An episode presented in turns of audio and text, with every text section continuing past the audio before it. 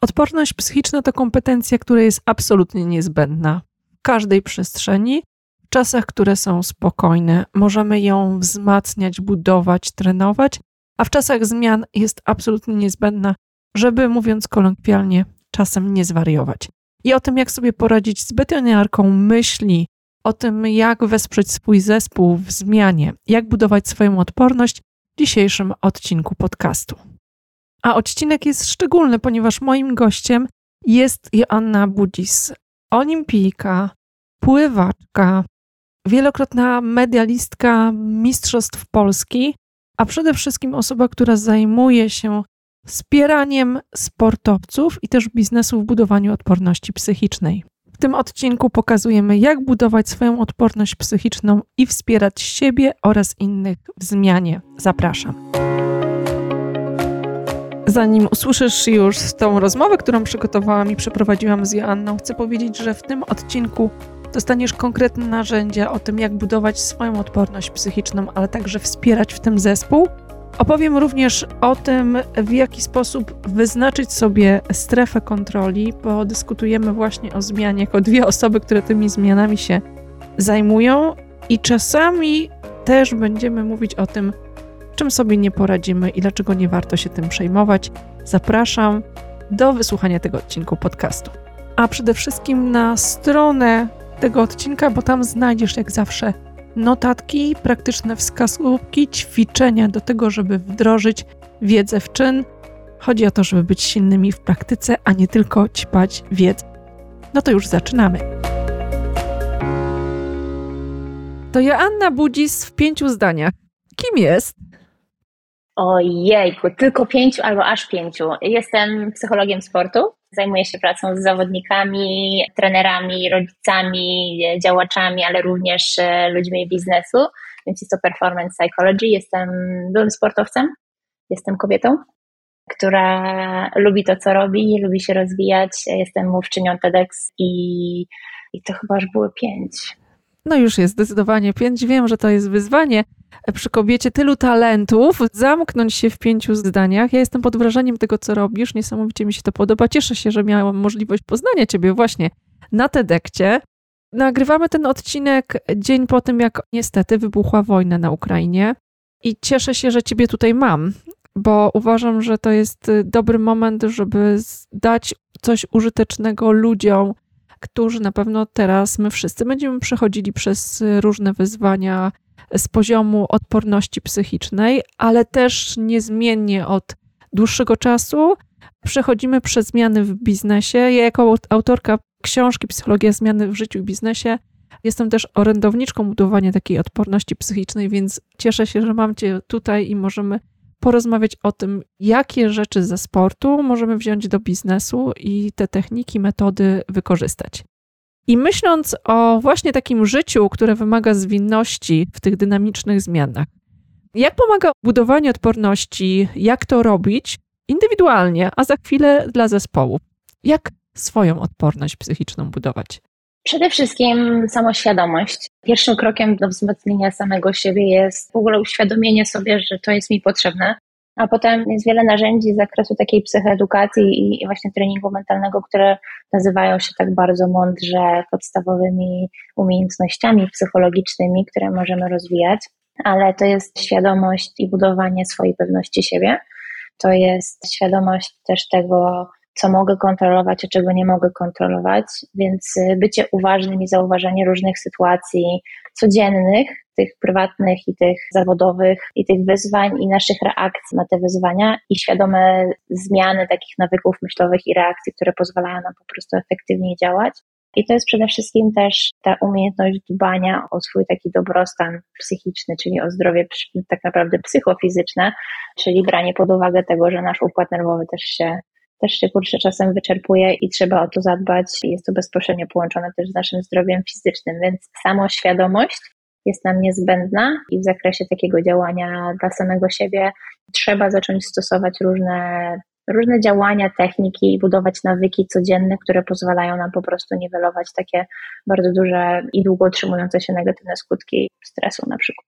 No właśnie, silna wola, wbrew temu, co się powszechnie uważa, to jest zasób. To nie jest e, coś takiego, że my tą silną wolę możemy nieustannie, jak mięsień, po prostu prężyć i rozwijać. To jest bardziej jak szklanka wody, którą mamy rano i ona się wyczerpuje, prawda? I to, o czym powiedziałaś, to też trochę takie mądre zarządzanie tym, co ja mogę na swoje bary wziąć, szukanie priorytetów, świadomość tego, co ja jestem w stanie unieść, a czego nie jestem w stanie unieść, zadbanie o komfort, wyznaczanie granic.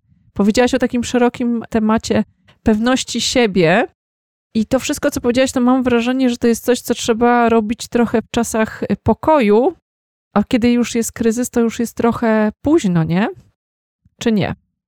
Myślę, że w ogóle jednym z takich trzech filarów pewności siebie jest właśnie poczucie kontroli. Bo mamy wiarę w siebie, mamy poczucie skuteczności i to poczucie kontroli nad sytuacją. I w tej sytuacji, w której się aktualnie znajdujemy, to poczucie kontroli jest bardzo niskie, więc budzi się frustracja, budzi się niepewność, bezradność, no i lęk. Mhm. I dlatego to właśnie w takich sytuacjach ta świadomość tego, co ja tak naprawdę mogę kontrolować, a czego nie mogę kontrolować, jest pierwszym i najważniejszym krokiem do tego, żeby zachować zdrowie psychiczne mhm. i taką możliwość funkcjonowania, efektywnego funkcjonowania na co dzień. I to jest coś, co ja zawsze zaczynam od tego pracy z, ze sportowcami, ale też z zawodowcami, z którymi pracuję. To usiąść i po prostu narysuj sobie takie dwa kręgi. I w środku napisz kontrola, a na zewnątrz napisz brak kontroli. I patrząc na wszystkie takie czynniki, które cię otaczają w tym świecie zewnętrznym, zobacz, co tak naprawdę jest w zakresie tego, na co ty masz wpływ. I jeżeli tak mhm. sobie uzmysłowimy, zapiszemy i przede wszystkim przedstawimy to w formie takiej graficznej, to nagle zdajemy sobie sprawę, że to, co mówią inni, to, co robią inni, to, co dopiero będzie, wszystkie te czynniki zewnętrzne, to jest coś, czego my nie możemy kontrolować. I uświadamiasz sobie, że jedyne, co możesz kontrolować, to Twoje własne myśli, Twoje emocje, Twoje ciało, oddech i to, co się dzieje tu i teraz.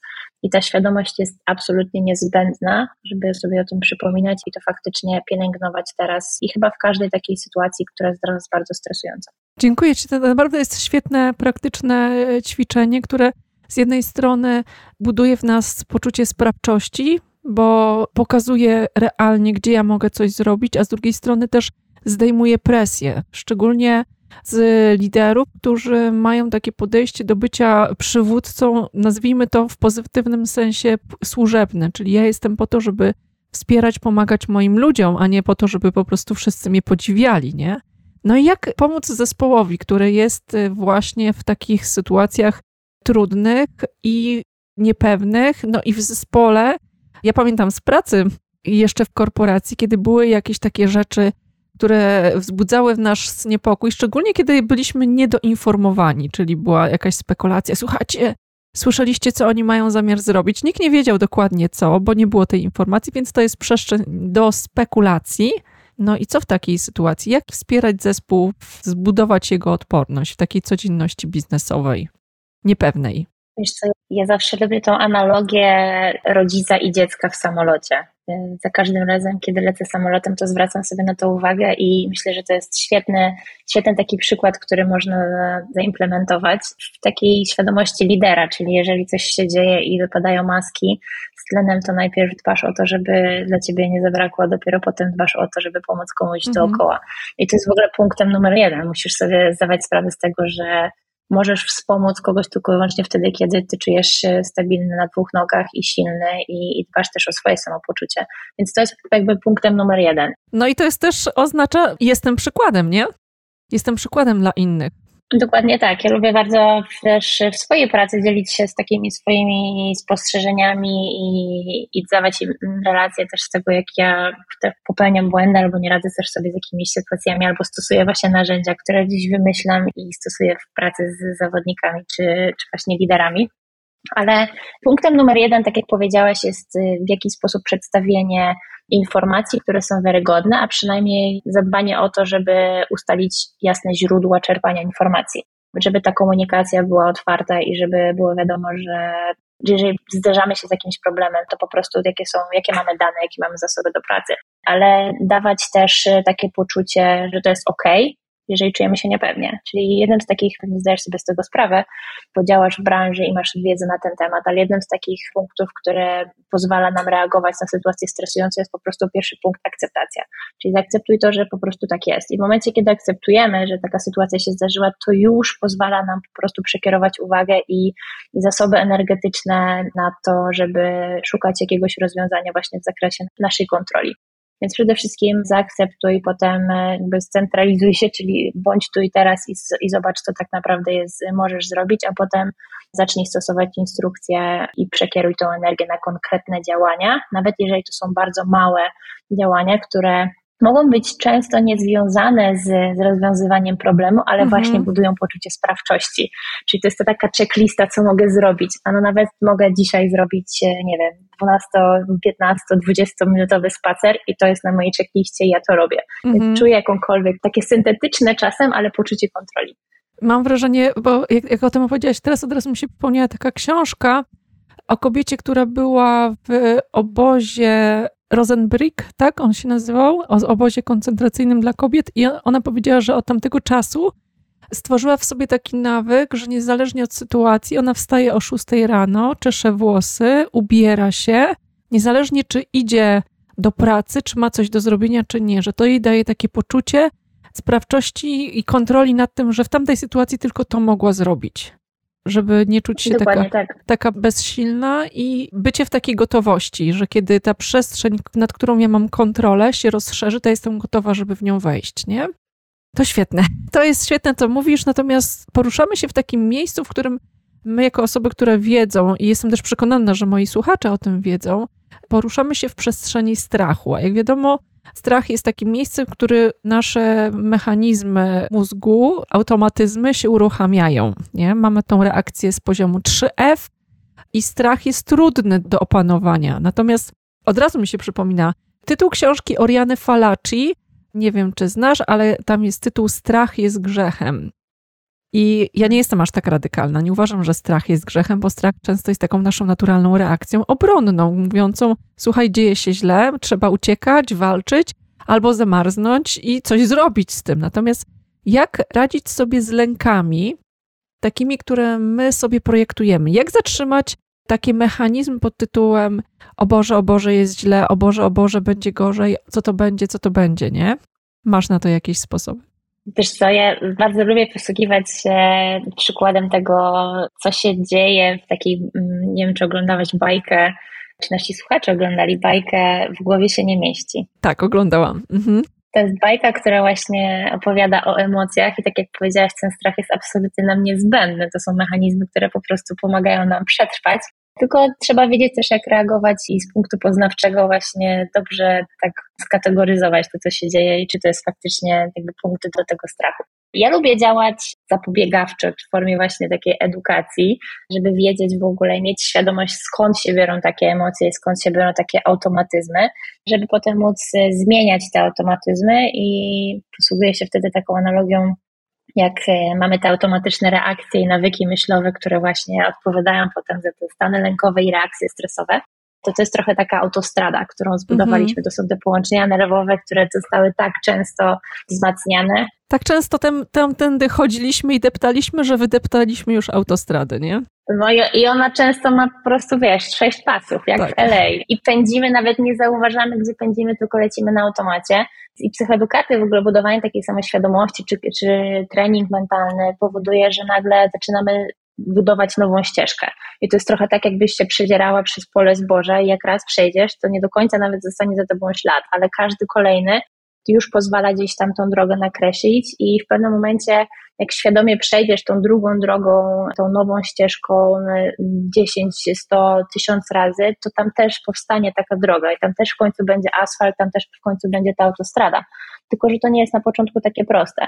Ale musimy zdawać sobie sprawę z tego, że nasze myśli są takie no, mechanizmy, które uruchamiają się do niezależnie w jakiej sytuacji się, się znajdujemy, więc mamy myśli, które wywołują emocje i to wpływa bezpośrednio na nasze ciało, na, na reakcję fizjologiczną i na to, jak efektywnie działamy. I jeżeli zdamy sobie sprawę, że ten mechanizm działa w każdej życiowej sytuacji, to zaczynamy zwracać uwagę na to, jak reagujemy właśnie na sytuacje, które wzbudzają w nas ten strach. Czyli z poziomu emocji ciężko jest nam na to reagować, ale jeżeli zaczniemy zwracać uwagę na to, co ja myślę w takich sytuacjach, to właśnie okaże się, że najczęściej to myślenie wychodzi poza to pierwsze kółko, które sobie mhm. narysowaliśmy, czyli poza naszą kontrolę i zdajesz sobie sprawę, że za każdym razem, kiedy myślisz o czymś, czego nie możesz kontrolować, a co dopiero może się wydarzyć, to pojawia się ten mechanizm właśnie te 3F czy 2F, mhm. czyli te fight or flight reakcja, która powoduje, że po prostu na skutek lęku nasze ciało się spina, nasze, nie, nie działamy też skutecznie, więc to już to jest ta reakcja stresowa, wiadomo. Ale te lęki powstają dlatego, że gdzieś pojawia się zagrożenie, które de facto w chwili, w której jesteśmy, to jeszcze nie jest fizyczne zagrożenie to jest tylko obawa przed tym, że coś takiego może się wydarzyć. Mm. A matka natura niestety, albo stety, ale wyposażyła nas w takie mechanizmy, które właśnie no, jesteśmy wyczuleni na to, żeby właśnie w, w sytuacjach codziennych mamy takie radary nastawione na te mhm. negatywne, potencjalne zagrożenia, które mogą się wydarzyć. I tym też możemy poniekąd sterować właśnie i uczyć się zauważania tego, co jest dobre w danych sytuacjach, albo właśnie sytuacji, które były przerażające, ale okazało się, że nie, i to buduje naszą świadomość na, na kolejne takie sytuacje.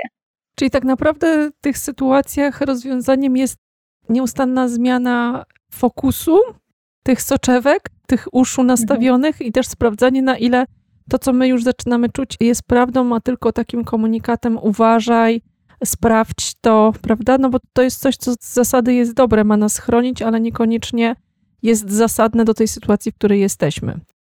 Dobrze, to teraz trochę ze sportu do biznesu. Stres przed zawodami, olimpiadą. To jest znowu bardzo intensywne, też poza kontrolą. Co robią sportowcy, a co mogliby wziąć ludzie biznesu do swojej codzienności? No przede wszystkim, aż teraz w tym momencie miałam taki, mi się przypomniało, to miałam taki ścisk żołądku, więc to jest już ta autostrada u mnie, ale przede wszystkim, drodzy ludzie biznesu, zaakceptujcie to, że ta reakcja stresowa to jest sygnał waszego ciała na to, że szykujecie się na wyzwanie. No i to jest petarda, jak zaczniecie traktować każdy taki symptom przedstartowy, bo mówimy tutaj o szeroko pojętym performancie. Mhm. Nie ma nawet chyba odpowiedniego słowa w języku polskim, a żałuję, żeby ten performance przetłumaczyć. Ale tak, więc jeżeli pojawia się jakiś właśnie taki symptom napięcia, czy właśnie takiej niepewności, czy nawet ścisku w brzuchu, czy takich nerwów, czy obaw, to w tym momencie się zatrzymaj i pomyśl sobie, halo, to moje ciało daje mi sygnał, że jestem tutaj przed tym wyzwaniem i jestem gotowy, więc jest mobilizacja całego układu nerwowego i mięśni i mózgu i tych wszystkich funkcji i żeby jak najlepiej wykorzystać zasoby, które nagromadziliśmy. Więc to jest super, że można właśnie w chwili wyzwania być świadomym tego, że kurde, jestem gotowy i to jest ten mój moment mhm. i uruchomić ten self-talk, bo mówimy tutaj o self-talku i o wizualizacji też jako takich podstawowych narzędziach, potężnych narzędziach treningu mentalnego, które przygotowują nas na te wyzwania. A co to jest ten self-talk? Zdrać, choć troszkę. Self-talk to jest, y, ja w ogóle jestem zdania, że wszystko to, czego potrzebujemy do tego, żeby faktycznie wykorzystać nasz potencjał i zmaksymalizować efektywność naszej pracy i właśnie w chwili wyzwania no, dać siebie 100%, mamy zawsze przy sobie, bo są takie cztery podstawowe narzędzia, które pozwalają nam właśnie ten potencjał uruchomić i wykorzystać. To jest odpowiednie sformułowanie sobie celów procesowych, czyli co mam zrobić w danym zadaniu. To jest umiejętność właśnie wykorzystania tego self-talku, czyli tego pozytywnego dialogu wewnętrznego. Ten mm -hmm. tak brzmi o wiele lepiej, ale to jest nic innego jak sterowanie tymi instrukcjami, tymi myślami, które pojawiają się w naszej głowie. I to jest forma albo instrukcji dotyczących zadania, techniki wykonania, czy właśnie etapów wykonania zadania, prezentacji, łącznie z wejściem na przykład na tą prezentację językiem ciała, co mam po prostu robić. Dodatkowo jest to instrukcja dotyczący tych stanów emocjonalnych, czyli coś, co buduje naszą taką pewność, takie słowa klucze, wyrażenia, które nas pozytywnie doładowują. I przede wszystkim też przypominają naszą skuteczność, czyli nasze wszystkie mocne strony, elementy treningowe, które wykonywaliśmy, inne wyzwania, sytuacje, w których czuliśmy się trochę bezradnie, ale daliśmy radę, więc wszystkie te sukcesy, które mam nadzieję mamy nagromadzone w jakimś dzienniku mhm. i to śledzimy na co dzień. I na skutek tego wyobrażamy sobie też różne sytuacje. Czyli jeżeli ja wyobrażam sobie, że idę na tą prezentację, otwieram drzwi, wchodzę pewnym krokiem, patrzę się przed siebie, załączam tą prezentację, stoję na środku i po prostu czuję to flow, no to mój mózg od razu rejestruje to jako sytuację, uwaga, która już miała miejsce. Więc ja czuję mhm. się o wiele pewniej w sytuacji. A z drugiej strony, i uśmiecham się, jak widzisz, że jak o tym mówię, bo to jest naprawdę fascynujące. Z drugiej strony, ja po prostu też trochę przyciągam tą nagrodę do siebie, czyli nawet przygotowując się i używając różnych instrukcji, wyobrażając sobie, jak to będzie wyglądało, ja tak naprawdę czuję, co to jest ta nagroda, która mnie czeka po tym, na mnie czeka po tym wyzwaniu, więc automatycznie jestem w stanie też poświęcić więcej wrzucić więcej kosztów, wiedząc, że ta nagroda i przygotowań teraz, czy zainwestować w zasoby przygotowujące mnie do tego wyzwania, wiedząc, że ta nagroda faktycznie ma dużą wartość. Mhm. No i właśnie tak jedziemy i występujemy. Stajesz na słupku, jest komenda startowa i lecisz. Mhm. Czyli znowu zawracam z tej autostrady na ścieżkę, na której mój mózg ma usłyszeć, dowiedzieć się, poczuć coś zupełnie innego niż strach, nie? A powiedz mi, co w sytuacji, gdy zawody nie są sprawiedliwie oceniane? To jest y, nie tylko sytuacja sportowa, ale też często w biznesie mamy takie frustracje wynikające z tego, że ktoś gra nie fair i pomimo tego nie jest za to karany, a my cierpimy, bo gramy fair. Jak sobie sportowcy z tym radzą?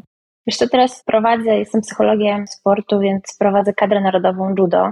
Współpracując akurat ze sztukami walki, dużo poświęcamy czasu na, na rozmowę i właśnie o, o, tym aspekcie, czyli jest to forma oceny też sędziego, wiadomo, jest to forma też oceny techniki i, i gdzieś tam e, czasami nie do końca jest to fair i boli, no bo to jest coś, na czym mi bardzo zależy. Z drugiej strony właśnie wracamy do tych dwóch kręgów, mhm. kontroli i brak kontroli.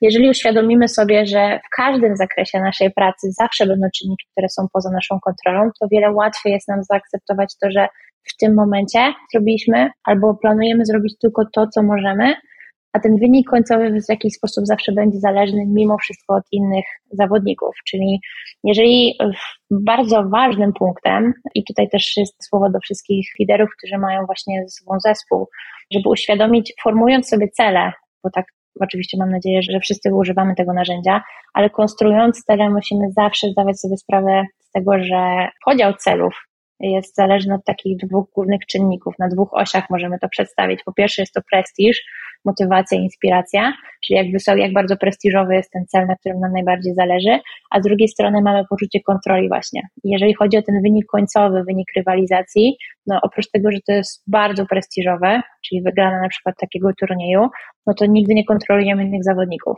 więc ten poziom kontroli, jeżeli uświadomimy sobie, dlaczego ktoś ma decydować o tym, czy my czujemy tą satysfakcję, czy my będziemy właśnie budowali tą pewność siebie na podstawie tego sukcesu, i w ogóle radość z wykonania zadania. Dlaczego ktoś ma o tym decydować? No bo jeżeli postawiamy sobie tylko taki cel, no to od razu oddajemy tą ocenę właśnie i to nasze poczucie sprawczości i satysfakcji do decyzji innych, więc y, nie możemy tego kontrolować i oprócz tego w tych celach zawsze musi się znaleźć inny cel, który jest bardziej zależny od nas, czyli nasz indywidualny wynik. Statystyka, jakieś inne zasoby, które możemy sprawdzić, nasze umiejętności, które możemy w tym momencie zaprezentować, które będą odzwierciedlały coś, co jest zależne tylko i wyłącznie od nas, czyli nasz indywidualny wynik, który potencjalnie może dać nam na przykład zwycięstwo albo bycie, nie wiem, liderem branży. I pod spodem, tam gdzie kontrola znowu wzrasta, ale troszeczkę w kwestii takiej inspiracji czy prestiżu, może być to no, znacznie mniejsze niż, mniej inspirujące niż właśnie wygrywanie z innymi, no to jest ten, te cele takie procesowe, czyli co mamy zrobić w danym zadaniu, występując na na przykład jakie mamy cele na ten mecz, jakie mamy cele na tą walkę, co ja chcę zaprezentować w kontekście swoich umiejętności, co pozwoli mi osiągnąć taki wynik, który potencjalnie da mi możliwość wygrania sezonu, wygrania meczu i tak dalej. Więc to wszystko trzeba rozbudować na tej osi właśnie, co jest zależne od nas, żeby wiedzieć, że nasza praca, mieć takie poczucie sprawczości właśnie nad tymi elementami, które przyczyniają się do, do realizacji celów tych wyższych, a bezpośrednio jest to potem związane z tym, czy właśnie potrafimy utrzymać tą motywację mhm. do działania, no bo, bo doskonale wiesz, że jeżeli nie widzimy efektów naszej pracy, bo na przykład jest to zależne to właśnie od tych czynników zewnętrznych, no to ta motywacja to jest trochę jak ta szklanka i ta siła woli, tak? Mhm. To się po prostu wyczerpuje. I trzeba na to zwracać uwagę w momencie, kiedy startujemy w nowy sezon i konstruujemy sobie cele. To fantastycznie też powiedziałaś o tym, że te, ja tak to usłyszałam, że w takiej sytuacji najlepiej się skupić na procesie, a nie na samym osiąganiu wyników, nie? Jestem w procesie doskonalenia, bycia coraz lepszym. To są kolejne etapy. To nigdy nie jest jeden mecz czy jeden konkurs nie przekreśli tego, to jest kolejny etap, później będzie też kolejna szansa. Joasia, bardzo Ci dziękuję. Powiedz mi, gdzie można jeszcze zaczerpnąć więcej tej mądrości od Ciebie? Gdzie można Ciebie znaleźć? Przede wszystkim e, bardzo polecam Streambook Twój trening mentalny, który no wiele analogii ze sportu można przenieść w świat biznesu i w codzienność, więc wiele, to jest książka, która powstała w formie takiego workbooka z informacjami, z, nawet z treningami mindfulness, z dziennikiem takim codziennym, żeby śledzić efekt swojej pracy i ten progres w procesie. Więc e, na mojej stronie internetowej www.akademiestreamline.pl jest wiele informacji, są też wpisy na blogi, na LinkedIn oczywiście i przede wszystkim na Facebooku jest bardzo dużo treści, webinarów, live'ów, które powodują, że można po prostu no, wzmacniać siebie. Ja w notatkach do tego odcinka podcastu umieszczę, dodatkowo rozpiszę, oczywiście to wszystko będzie transkrypcja, więc będzie można sobie wrócić do tego. Też właśnie od Joanny zniżka na tą świetną książkę, więc zapraszam do notatek, tam będzie jeszcze więcej czegoś, co będzie można zastosować w praktyce, a ja dziękuję Ci bardzo za dzisiejszą rozmowę. Ja dziękuję również za zaproszenie.